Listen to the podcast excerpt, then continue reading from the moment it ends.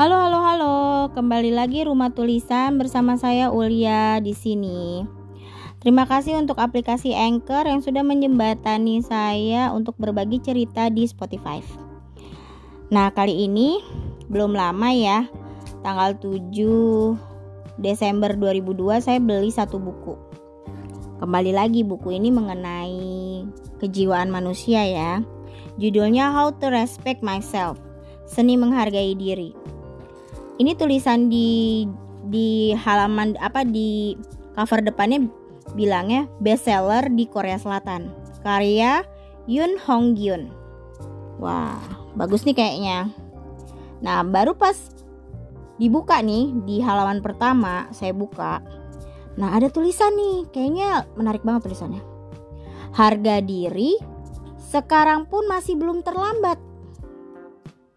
Jadi isinya gini Minder ibarat kendi yang bolong. Hati selalu hampa dan mudah tergoncang oleh reaksi atau rangsangan dari orang lain.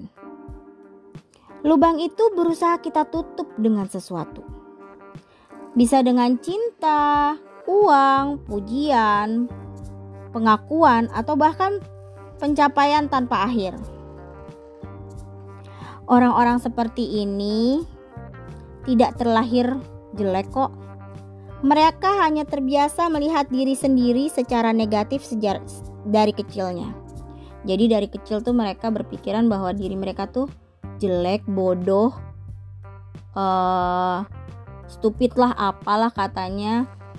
Nah mereka tuh selalu berpikir seperti itu.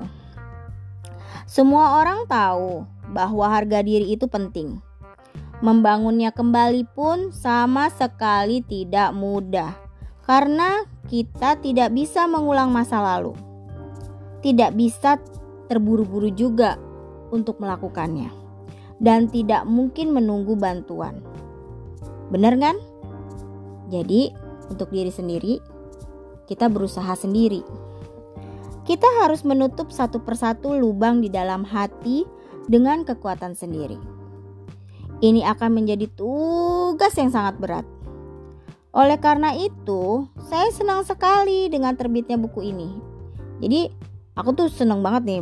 Buku ini tuh bisa membuat kita mengerti diri kita apa yang kita butuhkan. Biarpun apa kata orang, "Eh, kamu bodoh. Nilai kamu jelek." Atau uh, kamu kasar atau gimana? Halo, tutup kuping dulu karena kita harus memperbaiki apa yang sudah kita pendam lama sehingga membu sehingga membuat kita menilai diri kita itu jelek atau negatif. Buku ini menjadi pedoman yang bagus karena ditulis soal, oleh seorang psikiater yang menangani masalah harga diri secara profesional dan dilandasi oleh pengalaman dirinya sendiri. Nah, jadi alangkah baiknya teman-teman semua baik yang umurnya masih muda ataupun yang umurnya belasan tahun juga bisa. 20 tahun, 30 tahun, 40 tahun, 50 tahun gak ada yang terlambat untuk baca buku. Ini tuh bagus banget.